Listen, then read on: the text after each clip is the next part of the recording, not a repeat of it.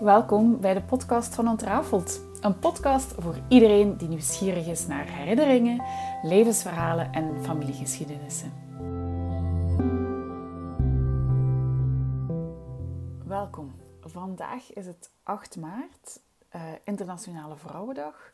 En ik vond dat het ideale moment om uh, mijn licht te laten schijnen op een, het uh, feministische kantje uh, dat er misschien wel zit ook aan het vastleggen en het doorgeven van uh, geboorteverhalen. Dus van het verhaal um, dat jij als moeder kan vertellen over, de, ja, over je zwangerschap, um, de geboorte van je kinderen en, uh, en het moederschap. Ik ben historica voor iets, dus laat ik mijn verhaal beginnen met een duik in de geschiedenis.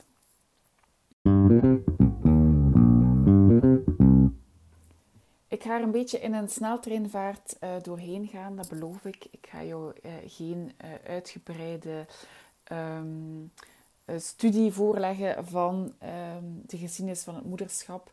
Maar ik wil kort even ingaan op um, het discours rond bevallen en rond moeder worden.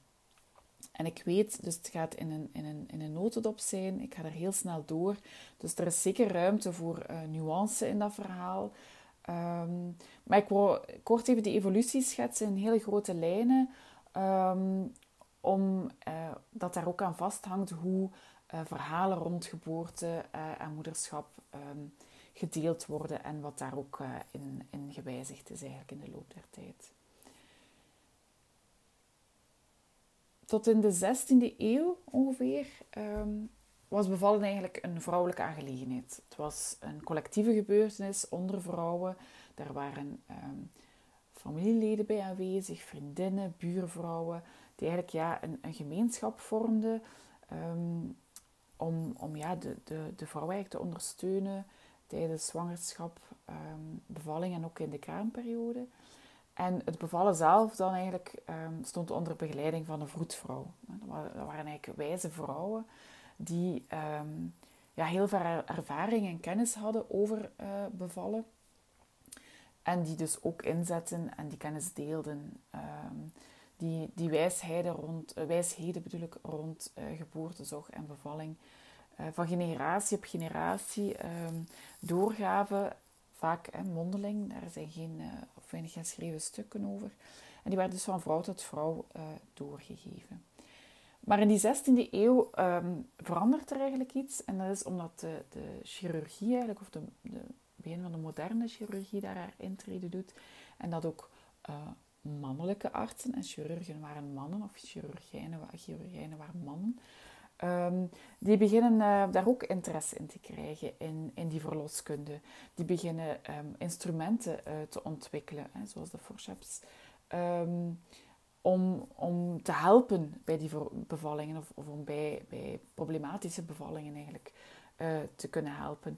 En op dat moment eigenlijk kantelt ook die visie op ja, geboortezorg en die rol ook die een, een voetvrouw kan spelen. En langzaamaan um, ja, um, verdringt eigenlijk die mannelijke visie op bevallen die uh, meer vrouwgerichte uh, ondersteuning uh, door vroedvrouwen. Die vroedvrouwen raken eigenlijk een beetje op een zijspoor op de achtergrond. Um, een klein weetje. misschien in, in, in het Engels werden die voetvrouwen, dus die of, niet alleen de voetvrouw, maar ook de vrouwen die aanwezig waren bij een bevalling, die werden gossips genoemd. Wat dan verpasterd is naar gossips. En gossip, dat kennen we eigenlijk uh, allemaal, of denk toch de meesten kennen die term. Um, to gossip is eigenlijk uh, roddelen.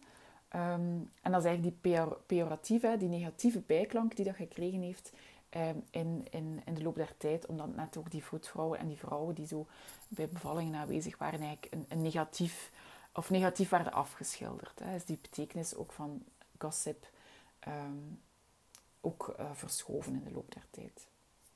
Dat was een klein, uh, klein uh, wistje datje tussendoor.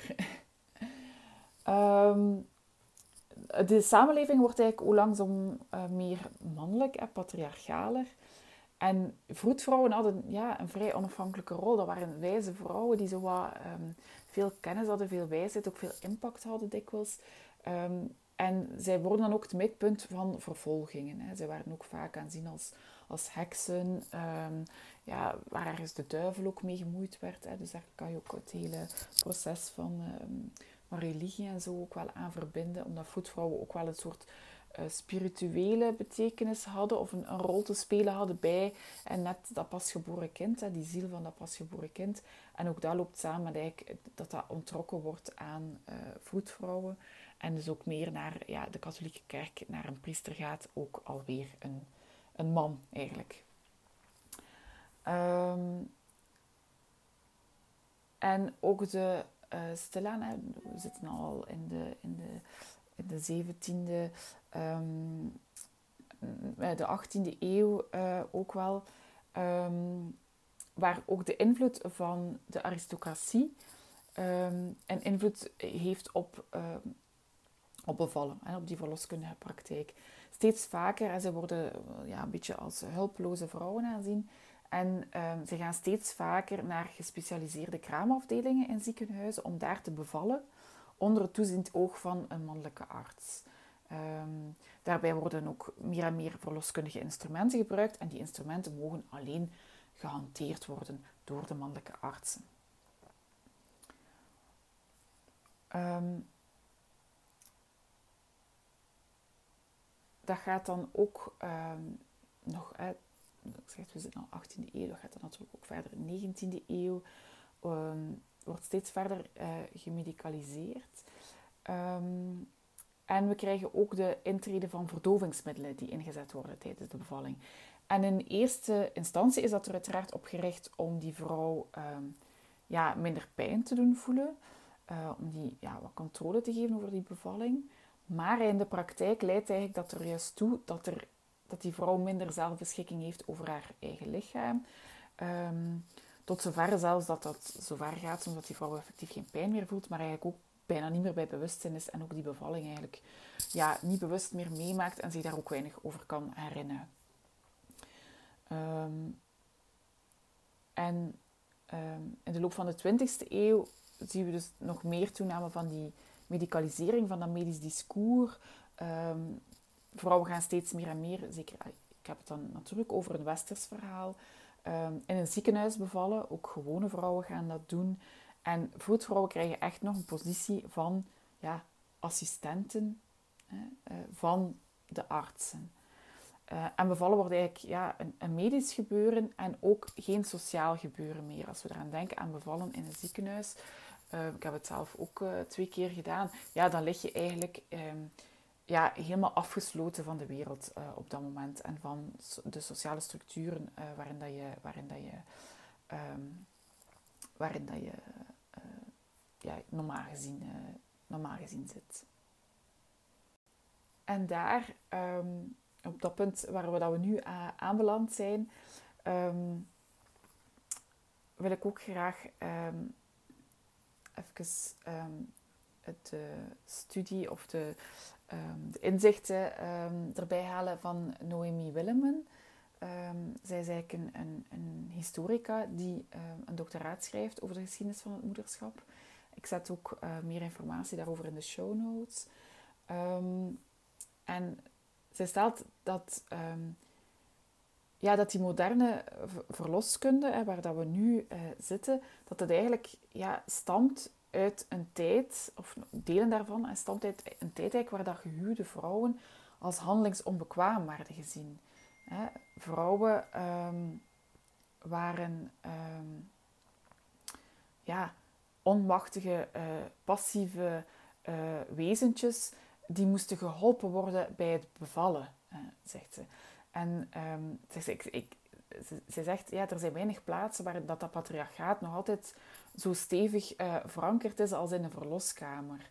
waar dat je fysieke integriteit um, ja, eigenlijk volledig in handen moet leggen van een ander en vaak nog een, mannelijke, een mannelijke arts.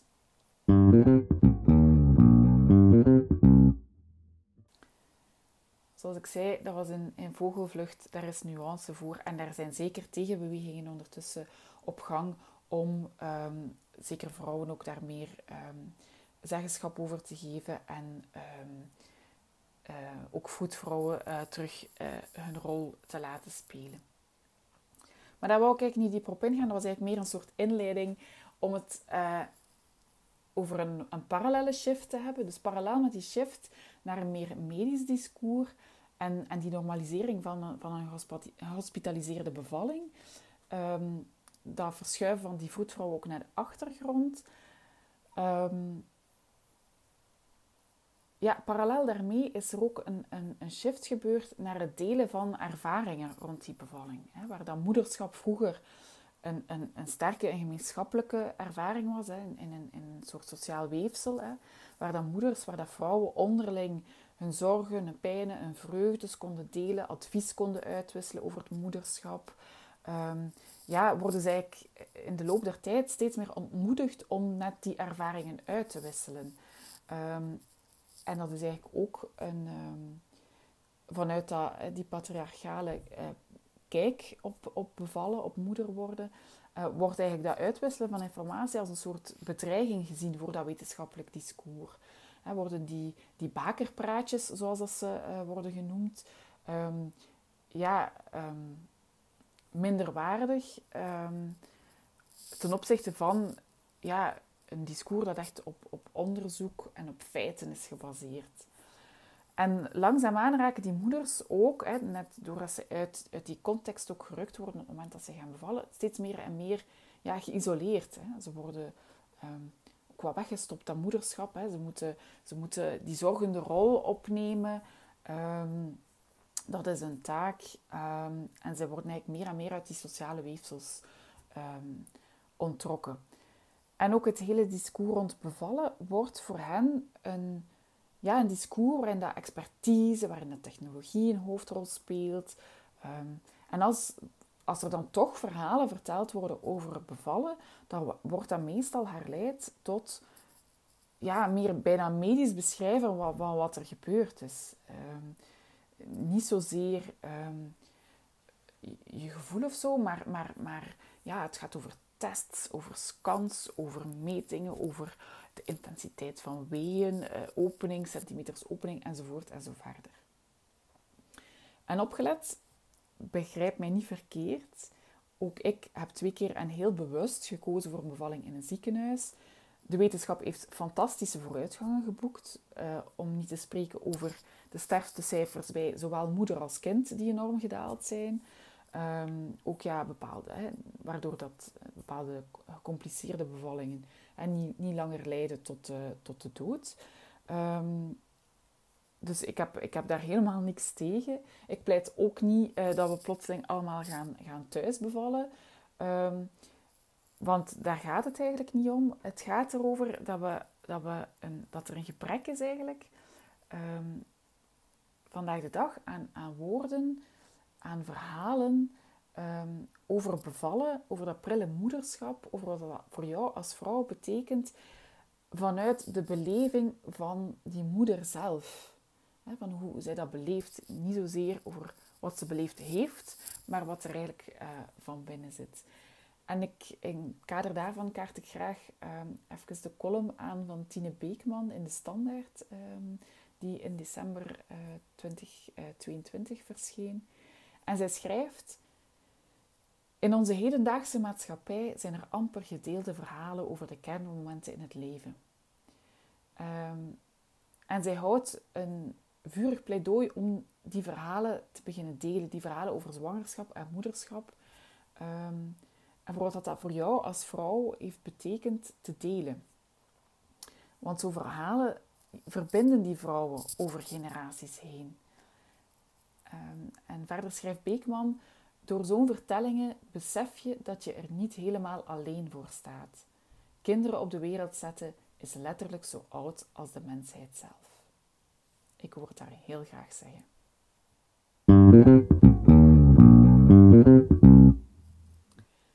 Wat kunnen we nu doen om terug terrein te veroveren? Om terug die verhalen um, ja, te vertellen en door te geven? Ehm, vandaag begint dat, hè, beginnen die, die collectieve steunstructuren die we wat verloren waren, die komen wel weer wat terug. Um, moeders onder elkaar op een bankje uh, aan de speeltuin, bij een kopje koude koffie in een rommelige huiskamer, uh, online in moedergroepen, um, geboorteplannen, prenatale lessen. Uh, vrouwen zich die ervaring van bevallen opnieuw toe eigenen uh, zij zich die ervaring van het moederschap opnieuw toe. Ze schrijven op websites, op blogs, schrijven vrouwen terug vanuit een eigen perspectief over hoe zij de dingen ervaren. En net doordat zij die, die waarheid, hun eigen waarheid, durven vertellen, geven zij ook aan andere vrouwen opnieuw de toestemming om dat zij ook opnieuw over heel persoonlijke ervaringen kunnen vertellen. En dan gaat het vooral om, om die, die ehm, niet die, opgevoed, die opgepoetste, die shiny versies van hun verhalen, maar net om die rauwe, die complexe ehm, verhalen, die, die, die, die rommelige waarheid, hè, die, die, die, eigenlijk, um, die het eigenlijk is. Hè. Het, het, is een rommeltje, uh, het is niet, niet altijd mooi, het zijn niet altijd mooie verhalen rond kinderwens, rond zwangerschap, geboorte, moederschap. Ehm, en, en om opnieuw Beekman uh, te citeren, zij schrijft: Goede verhalen drukken ook de ambivalenties uit van zwangerschap en moederschap. Ze geven de mooie, maar ook de hartverscheurende momenten weer. En ik kan mij daar alleen maar bij aansluiten dat door ehm, altijd maar nieuwe perspectieven toe te voegen, Ehm, dat we een meer genuanceerde beschrijving krijgen van onze wereld. En zo kunnen we eigenlijk samen bouwen aan een collectieve stem, ehm, om die collectieve stem terug op te bouwen rond ehm, zwangerschap, bevallen, moederschap.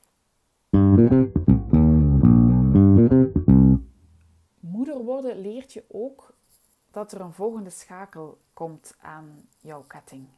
Jij, bent ook, uh, je komt ook voort uit een, uh, een ketting van generaties voor jou. Uh, maar ja, op het moment dat je moeder wordt, ja, weet je dat er ook iets na jou komt. En het confronteert jou tegelijk ook met, met je eigen eindigheid. En met het besef van wat wil en wat kan ik ook doorgeven aan, aan wie na mij komt, hè, aan je kind. Um, en moeder worden is een soort rimpeleffect. Uh, waarvan dat je niet weet hoe lang dat nog zal doorwerken in de generaties die na jou komen. En het is een moment bij uitstek ook om die brug te slaan naar die generaties. Om je verhaal te delen met de volgende generaties. En dat verhaal delen is een van de krachtigste daden die, die, die je kunt doen. Zo'n geboorteverhaal, dat lijkt misschien klein, onbelangrijk, onbenullig. Zeker jouw verhaal, hè, wie, wie zit daar niet op te wachten? Maar vergeet niet dat dat eigenlijk het eerste hoofdstuk is in het levensverhaal van je kind. En een heel belangrijk hoofdstuk in jouw eigen leven. Het is echt ook een shift in je leven, in ja, die overslag naar, naar moeder worden. En als personal historian ja, ben ik er uiteraard van overtuigd dat het bijzonder waardevol is om net dat verhaal ehm, ja, vast te leggen en te delen. En je kan daar zo ver in gaan als dat je zelf wil. Je kan gewoon, um, naarmate dat je kinderen ouder worden, dat verhaal vertellen. Dat kan beginnen als ze, als ze klein zijn, als ze kleuter zijn, begint dat meestal als ze daar de eerste vragen over stellen. En dat verhaal kan zich verder ontwikkelen naarmate dat ze ouder worden. En dat kan gewoon gaan over vertellen, over samen is uh, door fotoboeken bladeren en, en jouw ervaringen daar, uh, daarbij vertellen. Vroeger ging dat, um, ja, waren dat kleutervragen van um, waar, waar ja, zat ik dan in jouw buik en hoe, hoe is dat dan en hoe ging dat dan en uh, hoe wist jij dat dan dat je moest bevallen? Tot ja, nu ondertussen heb ik puberzonen die, ehm, ja, die ook uh, in de les biologie leren over voortplanting uh, en de fase van, van de bevalling enzovoort. En stellen zij dus ook helemaal andere vragen uh, daarover, eh, waar ik dan ook mijn persoonlijke verhaal over ehm, vertel en met hen deel. Dus dat kan gaan gewoon over vertellen. Je kan natuurlijk een stapje verder gaan en dan neerschrijven um, van jouw herinneringen, van jouw ervaringen, van jouw gedachten daar rond. simpelweg, ja Je kan ehm, nog een stapje verder gaan en die losse herinneringen die je hebt verzameld uh, weven tot, tot een, een echt verhaal, een geboorteverhaal. En als je echt nog een stapje verder wil gaan, ja, dan neem je zo iemand als ik, een personal historian, onder de arm om, om dat verhaal te kneden en, en, en te maken totdat je een boekje hebt dat je echt in handen kan houden, dat je kan koesteren en dat je ook kan weer doorgeven aan die volgende generatie. En als um, afsluiter vandaag wil ik jou graag uh, een kleine oefening meegeven voor mocht je toch een eerste stap willen zetten in, in het vastleggen van, jou, van jouw uh, verhaal, van het geboorteverhaal van je kind. Um, op een heel simpele manier. Het is simpelweg een braindump oefening. Maar het is een eerste stap die ik eigenlijk altijd doe um, om, om woorden, om herinneringen, om gevoelens die, die eigenlijk het makkelijkst bereikbaar zijn in jouw geheugen, die, die van boven liggen ergens, om die uit jouw hoofd en op papier te zetten. En wat heb je daarvoor nodig? Niet veel. Um, een blad papier, eventueel de, de print. Ik heb een, een, een, een, printable gemaakt die je kan, kan downloaden. Ik zet de link in de show, show notes. waarop al een tijdlijn is, is getekend met, en die is opgedeeld in zal maar zeggen, de verschillende fases die beginnen bij kinderwens, zwangerschap, uh, bevalling um, en kraamtijd. En dan zo het, het verdere moederschap, uh, reflectie op het moederschap. Maar je kan eigenlijk ook zelf gewoon een, een, tijdlijn tekenen en dat opdelen in die verschillende vakken. Dus een blad papier met die tijdlijn op, um, iets om te schrijven en een kwartiertje, twintig minuutjes van je tijd. Um, zoek een rustig plekje, um, maak het je gemakkelijk, neem eventueel iets om te drinken erbij en installeer je en dan, uh, dan kan je beginnen. Zet dus je timer voor kwartiertje, 20 minuutjes.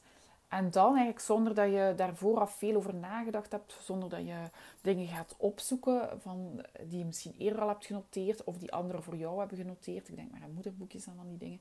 En dat heb je allemaal niet nodig. Uh, zet je gewoon neer met dat blad papier voor je neus en denk terug aan die periodes van kinderwens, zwanger worden, zwangerschap, bevalling, kraamtijd.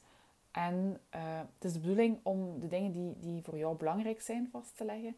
En schrijf dus gewoon spontaan op wat dat in je opkomt als je terugkijkt uh, op die verschillende fases naar het moeder worden. En dat kunnen heel specifieke voorvallen zijn, anekdotes, dat kunnen ook meer gevoelens zijn die, die dat bij jou oproepen. Um, ja, dus dat eender wat. Dat zijn heel losse dingen uh, die bij jou opkomen. En als die timer afgaat, dan kan je ook gewoon stoppen. Je moet niet klaar zijn. Het is een eerste stap, zoals ik zei. Een eerste ja, manier om dingen uit je hoofd op papier te zetten je kan op een later moment die oefening nog eens hernemen om, om dat nog te verdiepen. En je kan dat ook uh, proberen om op dat moment um, iets gerichter te werk te gaan. Um, uh, dat spontane een klein beetje te sturen door na te denken over um, kantelpunten in die fases. eerste keren, hè, mijlpalen uh, daarin. en mogelijke voorbeelden daarin zijn ja, veranderingen in, de, in je zwangerschap. Hè. Dus de periode dat je zwanger was, meestal verloopt dat niet, uh, die negen maanden verlopen meestal niet uh, elke dag volgens hetzelfde stramien. Soms ben je in het begin heel misselijk geweest of heb je last van bepaalde klachten gekregen. Hè. Zo die dingen die daarin in veranderen bijvoorbeeld. Um, over de eerste keer, voor de eerste keer dat je je baby hebt voelen bewegen in je buik, hoe dat, dat voelde, hoe dat, dat was, of waar dat je was, wanneer dat, dat was. Ehm, de eerste nacht met je baby uh, thuis in het ziekenhuis. Um, over overgangen uh, of kantelpunten. Bijvoorbeeld um, het, het, moment dat je van het ziekenhuis naar huis gaat. Als je dan in het ziekenhuis bevallen bent uiteraard. Als je thuis bevallen bent is dat, is dat iets anders. Of de eerste keer dat je, dat je bijvoorbeeld als je thuis bent met je partner uh, erbij. De eerste keer dat hij weer gaat werken en dat je eigenlijk alleen thuis bent met de baby. Um, sleutelmomenten ook in, in, over de bevalling zelf dan, hè, sleutelmomenten daarin, in, in die verschillende fases, kantelpunten daarin. Um, ook een moment waarop je aan uh, vrienden, collega's, familie vertelt dat je zwanger bent. Of het moment dat je laat weten dat je bevallen bent. en, de naam van de baby en zo doorgeeft. Um, eerste keren kunnen ook de, de eerste ontmoeting zijn van, van um, of de eerste, het eerste bezoek dat, dat babybezoek komt, of de eerste ontmoeting tussen als je bijvoorbeeld al kinderen had of hebt. Um, de eerste keer dat ze eigenlijk een broertje of zusje uh, ontmoeten, hoe dat die, uh, die ontmoeting eigenlijk gaat. Maar het is niet de bedoeling dat je constant daarmee bezig bent. Maar ik kan bijna voorspellen dat um, als je die brain dump oefening aan de kant hebt gelegd, hè, dat je dat afgerond hebt, je hebt dat aan de kant gelegd, dat je in de dagen en de weken die daarop volgen, um, dat er spontaan nieuwe herinneringen uh, opduiken. Um, en dat is eigenlijk wat ik je ook wil laten zien met die oefening. Is dat je vaak door, ja, je begint eigenlijk ja, te plukken aan je geheugen. Je hebt eigenlijk kleine luikjes uh, daarin opengezet. Um, waardoor dat er andere, um, ja, andere herinneringen ook ruimte krijgen. Dus het is een beetje als een draad waarin dat je wat kunt aantrekken, waardoor dat ook andere dingen uh, meekomen. Als die in je opkomen, vul die gerust aan op je tijdlijn. Hè. Dat wordt alleen maar wat, wat vollediger, wat genuanceerder, wat rijker. Het is zo, dus nu heb je eigenlijk al een eerste stap gezet om jouw uh, verhaal, het geboorteverhaal van je kind, uh, op papier te zetten. En uh, zo'n tijdlijn met zo'n braindump is eigenlijk een kapstok. voor mocht je ooit besluiten om dat verhaal verder uit te werken, verder uit te diepen, um, dan heb je alvast iets op papier. Wil je dat volledige verhaal uit je hoofd en op papier als echt een, een, een, een afgewerkt verhaal? dan kan ik jou alvast vertellen dat ik in de lente, uh, nu de lente, de lente van 2023, uh, eh, opnieuw uh, plaatjes openzet voor zowel een VIP-traject als voor do-it-yourself trajecten rond het schrijven van geboorteverhalen. En in beide trajecten neem ik jou bij de hand om dieper te graven in je geheugen, om je losse herinneringen in elkaar te puzzelen tot een verhaal dat klaar is om te delen met de volgende generatie als je je inschrijft op de nieuwsbrief, um, of, dan zit je op de eerste rij uh, wanneer de deuren open gaan voor die trajecten. En um, ben je dus de eerste die het hoort en kan je ook inschrijven.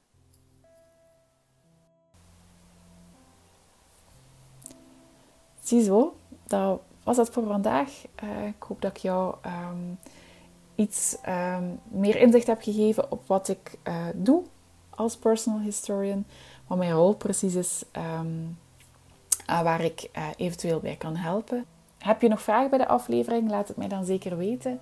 De show notes vind je op www.ontrafeld.be. Vond je deze aflevering de moeite waard om naar te luisteren? Laat dan zeker een review na op Apple Podcasts of op Spotify. Dat helpt andere mensen om uh, deze podcast uh, te ontdekken. En heb je een vraag of suggestie voor een volgende aflevering? Uh, laat het mij dan zeker weten via annelies.ontrafeld.be. En ondertussen kan je mij op Instagram ook nog vinden als ontrafeld. Tot een volgende keer!